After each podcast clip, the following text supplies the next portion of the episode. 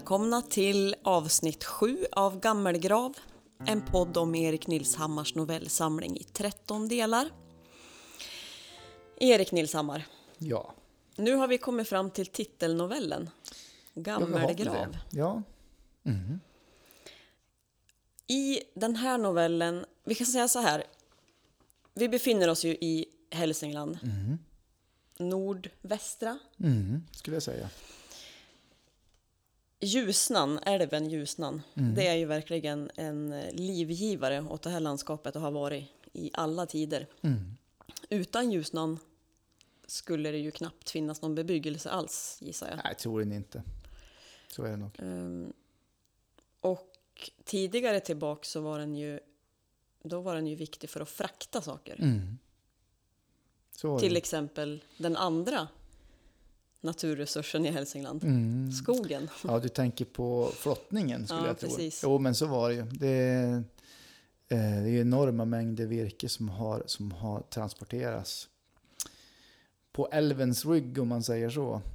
Eh, och jag menar bara de här stora stenfundamenten, flera hundra meter långa, som byggdes endast för att styra virke rätt, det är ju bevis nog för att ehm, ja, det har varit ganska påtagligt. En ganska farlig, eh, ett ganska farligt yrke också. Ja, det tänker måste, måste ju vara livsfarligt. Strömmande vatten, eh, hala stockar, eh, brötar som, och jag ljuger inte nu, som var flera kilometer långa. Så det är när timmerstockarna hakar i varandra och bildar stopp, alltså som de till slut fick spränga. Mm. Eh, nej, det måste ha varit, måste ha varit otroligt farligt arbete. Hur kommer vi in i eh, titelnovellen här? Ja, det här utspelar sig ju betydligt senare. Det här är ju faktiskt eh, nu, idag, där Ljusnan är mer ett rekreationsområde där folk idkar friluftsliv och badar och mår ganska bra. Men återigen är det ju så att eh, den här tunna hinnan mellan det vanliga, normala och när man inte längre har kontrollen den är väldigt tunn och den kan brista på ett ögonblick.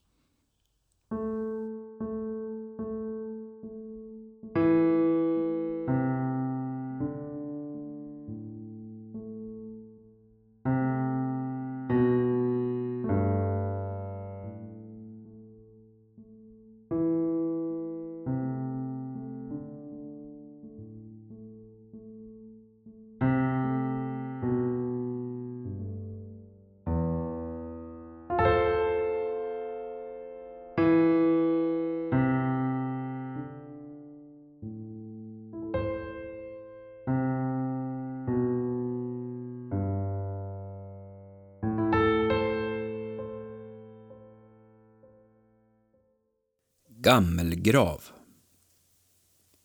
Ljusnanleden löper längs älvens norra strand ifrån kraftverket i Laforsen och ner till Ljusdal.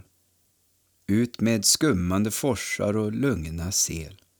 Genom tät granskog och över tallbevuxna moar. På åsryggar, korsande bäckar och myrdrag. Här och var har armar av den mäktiga isälv som en gång dränerat området grävt djupa raviner i älvdalens branta slänter. Där svänger leden ofta norrut och tar en omväg runt. Men på vissa ställen kastar den sig handlöst ner mot ravinens botten för att lika våldsamt vända upp igen. En utmanande löpsträcka och det tilltalade henne. En gång per år brukade hon få skjuts till Laforsen för att springa hela vägen tillbaka till Färila. En löptur på nästan tre mil. På planmark kunde hon klara en sådan sträcka på under två timmar. Men att springa den efter Ljusnanleden var en annan sak. Det var avancerad terränglöpning. Hon brukade göra det som en del av förberedelserna inför Lidingöloppet. Hon hade flera topp 20-placeringar men var inte speciellt nöjd med det. Helst ville hon vinna. Hon tävlade alltid för att vinna. Annars var det meningslöst. Somliga i hennes omgivning tyckte att hon gick för långt.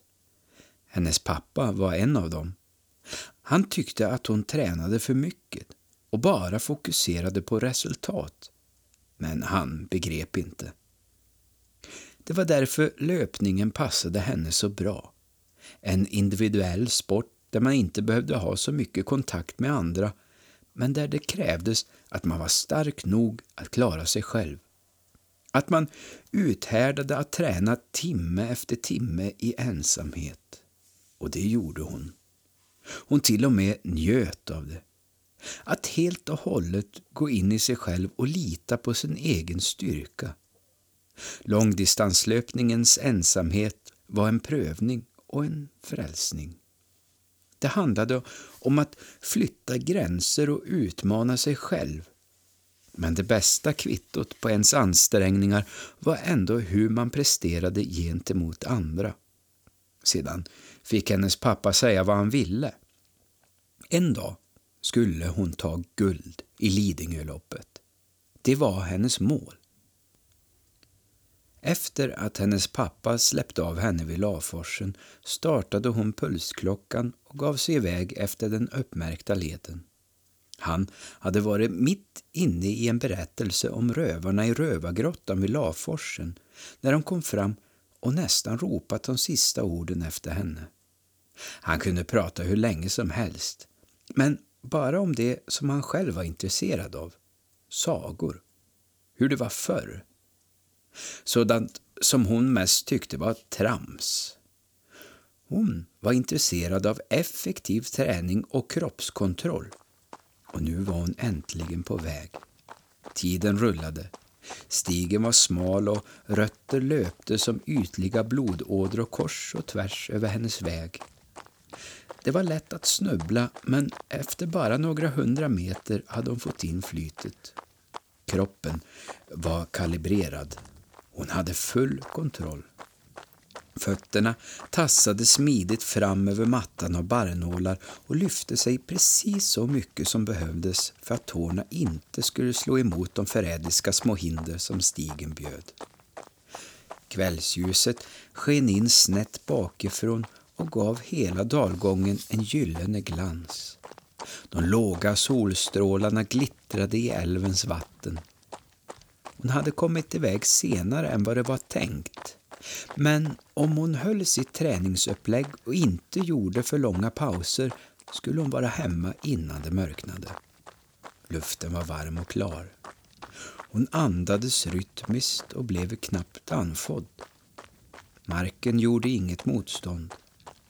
Det kändes som om hon flöt fram som en älva genom skogen. Lätt, stark och smidig. Det var ren löparlycka. När hon kom fram till Kölströmmen stannade hon och drack. Det stod några fiskare med långa spön långt ute i älven. Som insekter med vinkande spröt. Forsen var magnifik där den skummade vid sidan av den flera hundra meter långa stenkista som hjälpt timmerstockarna att hålla kursen under flottarepoken. Flottarna hade haft ett mödosamt arbete med att få ut virke till sågverken. Somliga hade fått sätta livet till. Till Ljusnan kom döden inte med lien. Den kom med flottarhaken. Det hade hennes pappa berättat så att hon skulle förstå med vilken möda dagens moderna samhälle var byggt. En möda som givit arbete och välstånd. Den möda hon lade ner på sin löpning hade han ingen förståelse alls inför. Att vara elitlöpare var inget riktigt arbete. Hon startade åter klockan och fortsatte.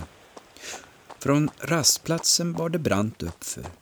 Hon sprang med små steg utan att trycka på. Det var långt kvar och det fanns ingen anledning att dra på sig onödig mjölksyra. Men hon var i bra form och klarade uppförsbacken bättre än förväntat. Efter krönet tog hon ut löpsteget och försökte lugna andningen. komma tillbaka till arbetspuls. Det var viktigt att känna att hon hade förmågan att gå ner i puls samtidigt som hon fortsatte springa. Hon kände lite darr i benen men andningen lugnade sig snart och hon kom åter tillbaka till det meditativa tassandet. Hon slängde en blick på pulsklockan. 121. Det såg bra ut, så hon ökade farten. Kilometer efter kilometer. Var som att vaggas in i trans. Tankarna svävade fritt och fötterna blev som ett med leden. En lång flack uppförsbacke följde och hennes ben protesterade lite, men eh, hon lät dem ömma. Snart skulle hon vara uppe på krönet och sedan var det inte långt kvar till Nygrav, som låg ungefär halvvägs och nådde krönet, ökade steglängden och försökte slappna av. Då, precis när hon kände att benen åter blev lättare och stigen gick flackt utför, slant den vänstra foten på en sten. En strålande smärta sköt ut från vristen. Hon tappade balansen och reflexmässigt åkte armarna ut för att hjälpa kroppen att återupprätta jämvikten. Men framvikten var för stor. Under en kort sekund tycktes hon sväva fram över stigen. Så föll hon och det svartnade.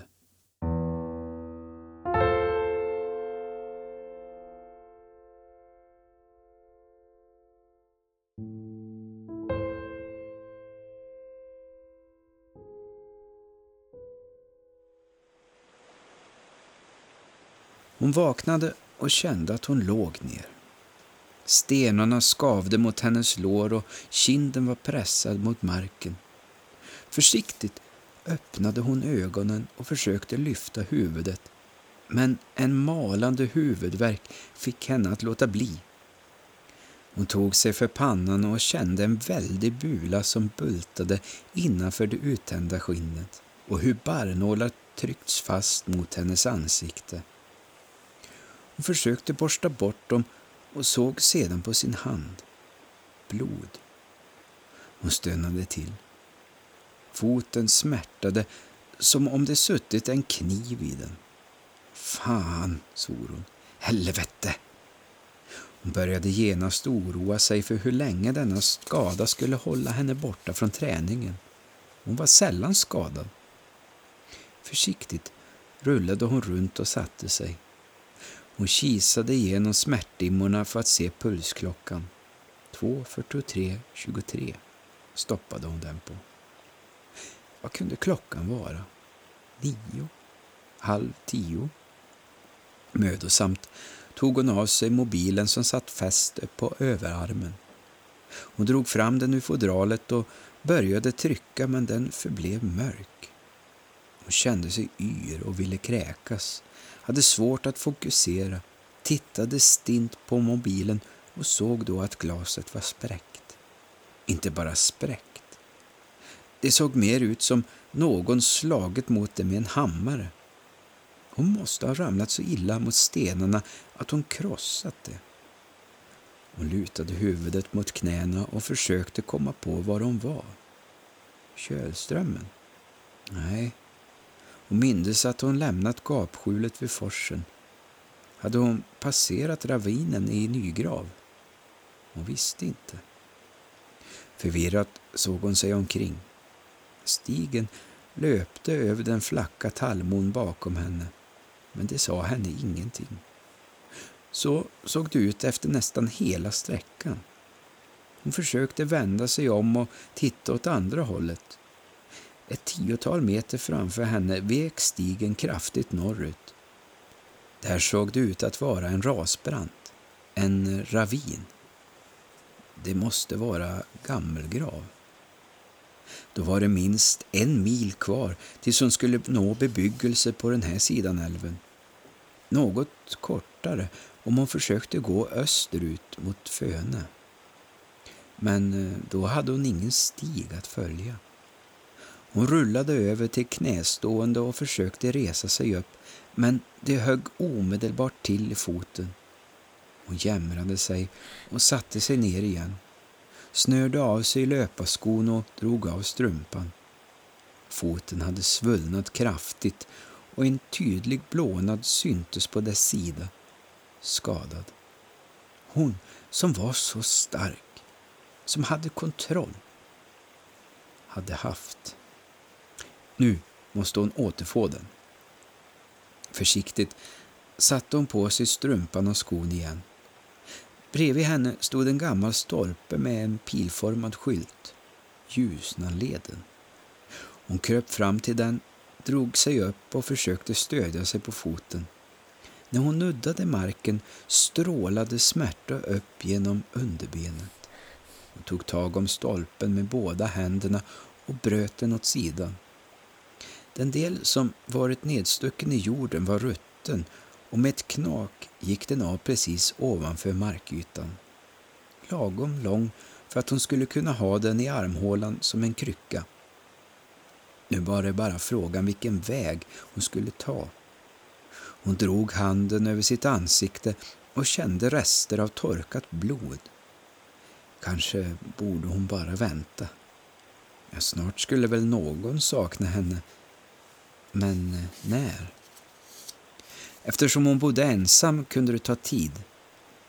Det var hennes pappa som skjutsat henne till Laforsen men han var van vid att hon klarade sig själv och brukade aldrig avkräva henne något meddelande om hon kommit fram.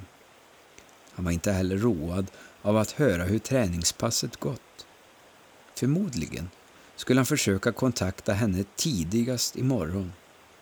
Att stanna i skogen en hel natt kändes inte så lockande. Chansen att det skulle komma någon vandrare vid denna sena timme var liten. Möjligen skulle det kunna finnas fiskare vid älven, tänkte hon och vände sig mot älvbranten. Ljusnan kunde bara anas där nedanför brinken där tall och gran växt sig till en mörk ridå. Hon spanade mellan trädkronorna och skymtade Hovrahällarna och där nedströms Granön. Hon kisade. Visst stod det där en flugfiskare. Om hon tog sig ner för Gammelgrav och ner till vattnet skulle hon kunna påkalla dennes uppmärksamhet och få hjälp.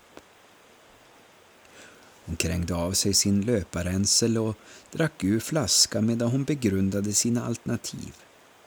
Huvudet och foten värkte. Hon kände sig matt. Att stappla sig fram till Föne lockade inte. Hon stirrade bort mot den dunkla ravinen framför sig och så fattade hon sitt beslut. Hellre chansa lite och få hjälp av flugfiskaren ikväll än att sitta kvar här på stigen som ett mähä. Hon tog på sig löparränseln, fattade ett stadigt tag om sin stödpinne och haltade bort mot kanten. Där stannade hon och tittade ner. Den vida ravinskåran hade borrat sig djupt ner i mon. På dess sidor klöste sig smala tallar och margranar fast i sanden.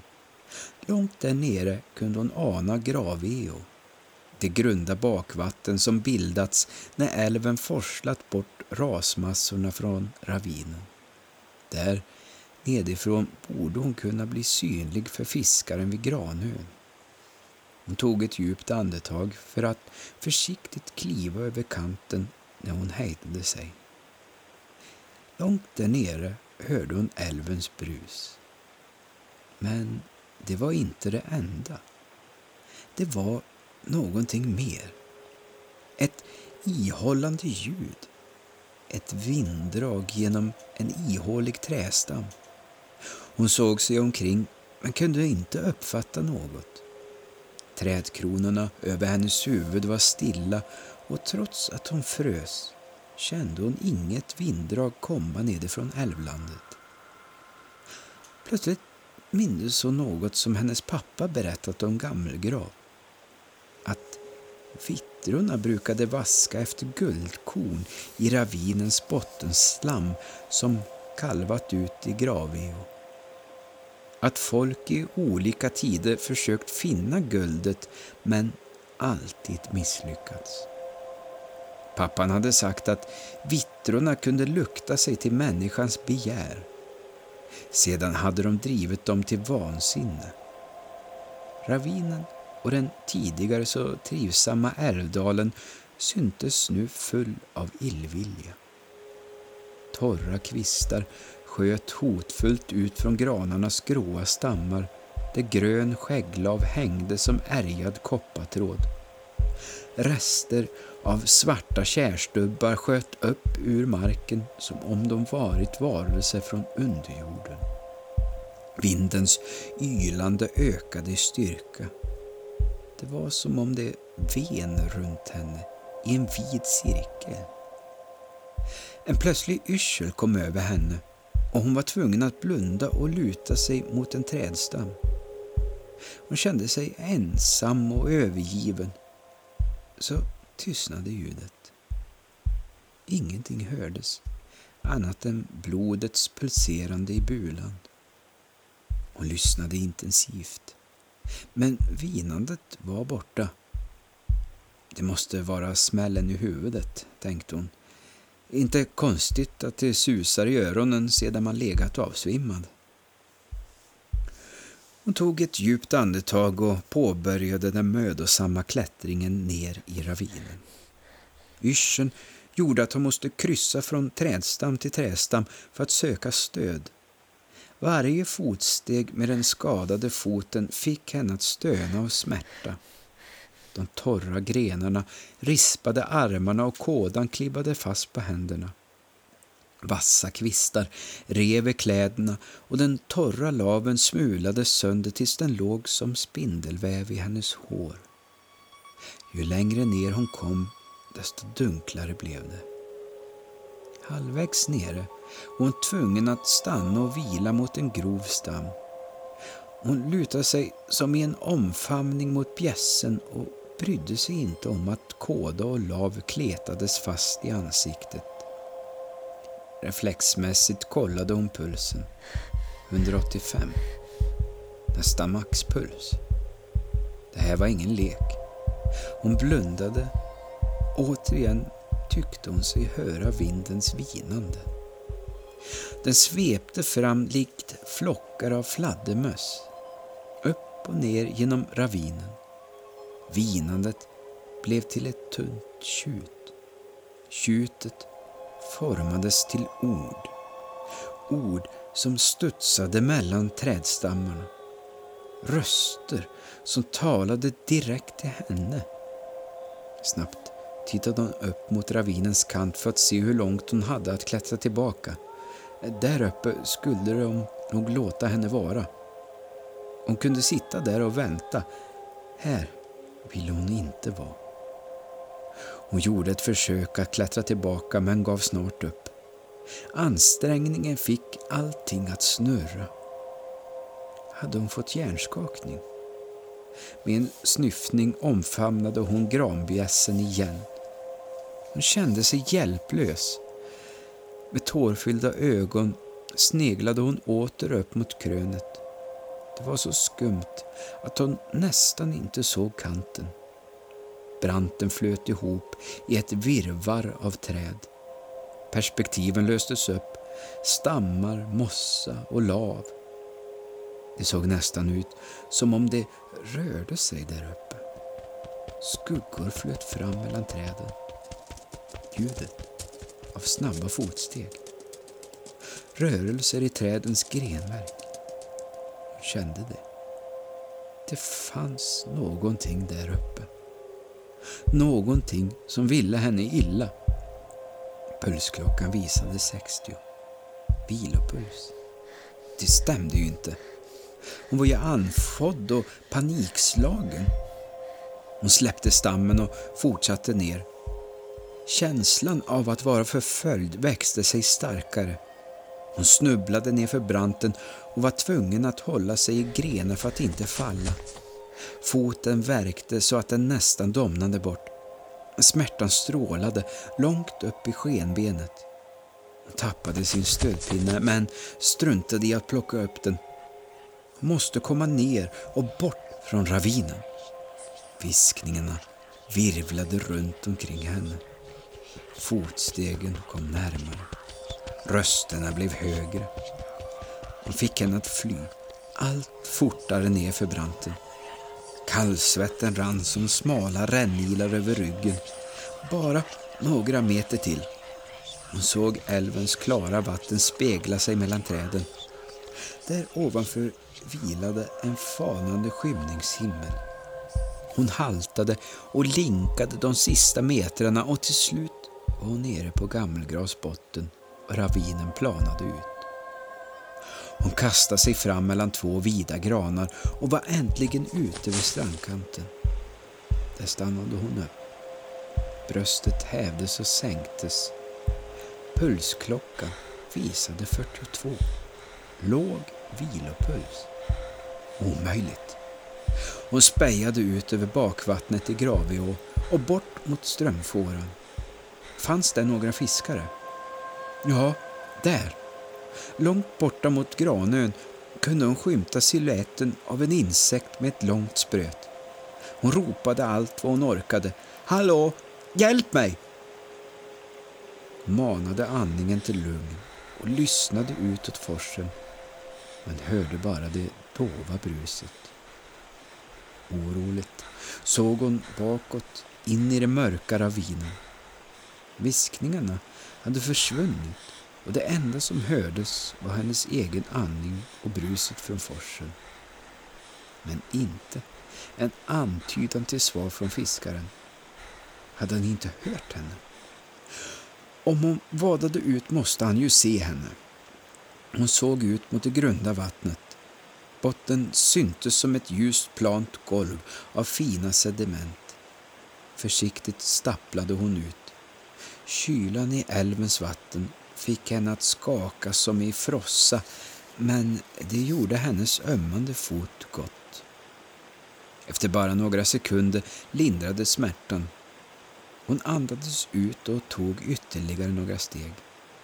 Skorna sjönk ner i den mjuka botten, men bara en aning. Det här skulle nog gå bra. Hon lyfte blicken och såg bottnen i Graveo breda ut sig som ett salsgolv i det grunda vattnet.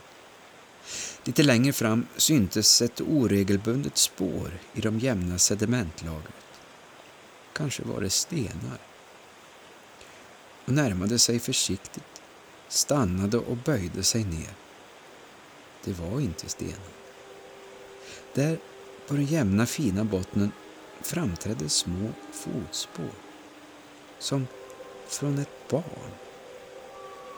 De var knivskarpa i konturerna och kunde inte vara gamla. Hon såg sig om och jämförde med sina egna större skoavtryck. Hon tittade åter på de små fotspåren. Ja, det måste vara ett barn. Och de var färska. Hon kunde tydligt se avtrycken från hälen och de små tårna. Varifrån hade barnet kommit? Det var långt till vandringsleden och sent på kvällen. Det här var dessutom knappast ett ställe för en barfota strandpromenad. En känsla växte sig allt starkare.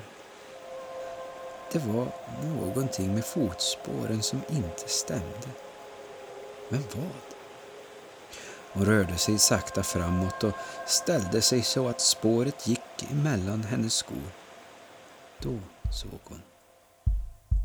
De små fotavtrycken hade stortårna på fel sida. De pekade utåt. Kylan från vattnet fick hennes kropp att rista. Men det var någonting mer precis som om en kall skugga föll över hennes rygg. Något iakttog henne från stranden. Forsen hade tystnat. Klucket från de små vågorna mot stranden lät långa, dova och utdragna, som om tiden var på väg att stanna. Hon sneglade på pulsuret. 38. Under vilopuls. Viskningarna började svagt, svagt höras inifrån skogen. De närmade sig och blev allt starkare, passerade trädridån och flöt som gälla skrin ut över viken. De cirklade runt, förlamade henne och tystade allt annat. Forsen, kluckandet, allt stannade av. Hon stirrade panikslagen mot fiskaren långt ut i forsen utan att vara förmögen att röra sig. Bottenslammet hade sugit fast hennes fötter. Hon var fångad och frös så hon skakade. Pulsen visade 23. Viskningarna ökade i styrka. Bakom henne hördes trampet av fötter allt starkare inifrån ravinen. Hennes kropp var spänd som en stålfjäder. Trampet blev allt högre och allt tydligare. Det närmade sig. Elva. Det lät som om det kom från stranden. Ett plaskande bröt igenom den hypnotiserade väggen alldeles bakom henne. Vatten rördes runt, som om små fötter vadade ut. Strupen drogs åt som om en snara lagts runt hennes hals. Hon kunde inte andas. Ljudet från fötter i vattnet som kom allt närmare. Viskningarna. Samma nakna känsla som när hon var liten och visste att hon blivit påkommen men ändå låg kvar i sitt gömställe. En sista snyftning kom över hennes läppar innan hon blev stum. Med tårfyllda ögon såg hon ner på sin pulsklocka. Den visade noll. Hjärtat rusade, men pulsen var noll.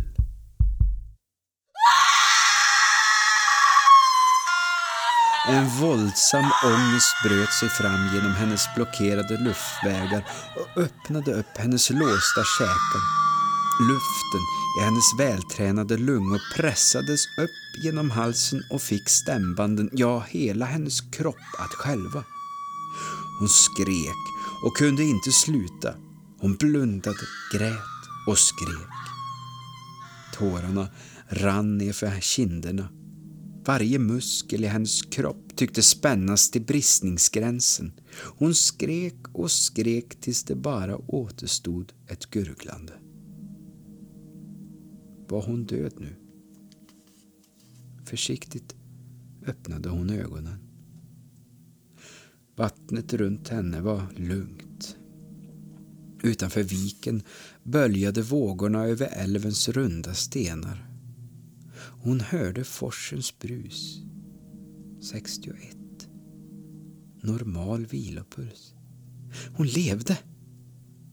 Borta vid Granön såg hon hur fiskaren nu var vänd mot henne och viftade med sitt spö i luften. Hon tyckte sig höra hur han ropade ”Jag hämtar dig”. Känslan av att vara iakttagen var försvunnen. Ingenting hördes bakom henne och när hon försökte vända sig satt fötterna inte längre fast. Bakom henne på stranden var det tomt och skogen var lika tyst som stilla. Hade hon inbillat sig alltihop? Var det smällen i huvudet som fått henne att hallucinera? Återigen böjde hon sig fram för att studera de små fotspåren mellan sina fötter. De var borta. Hon andades ut och vinkade till fiskaren. Det hade inte hänt. Hon hade allt under kontroll. När hon började halta fiskaren till mötes såg hon hur det glimrade till framför henne. Någonting gyllengult blänkte där på botten. Trots att solen gått ner. Hon förstod vad det var. Hon böjde sig ner och plockade upp den gyllene sanden innan hon fortsatte ut i älven. Där kom fiskaren emot henne och han bar en flottarhake i sina händer.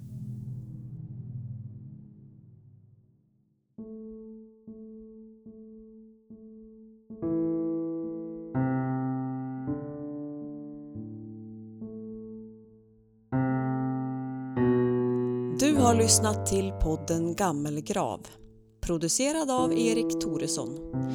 Novellerna är inlästa av Magnus Johansson och jag heter Malin Lindgren. Tack för att du lyssnat!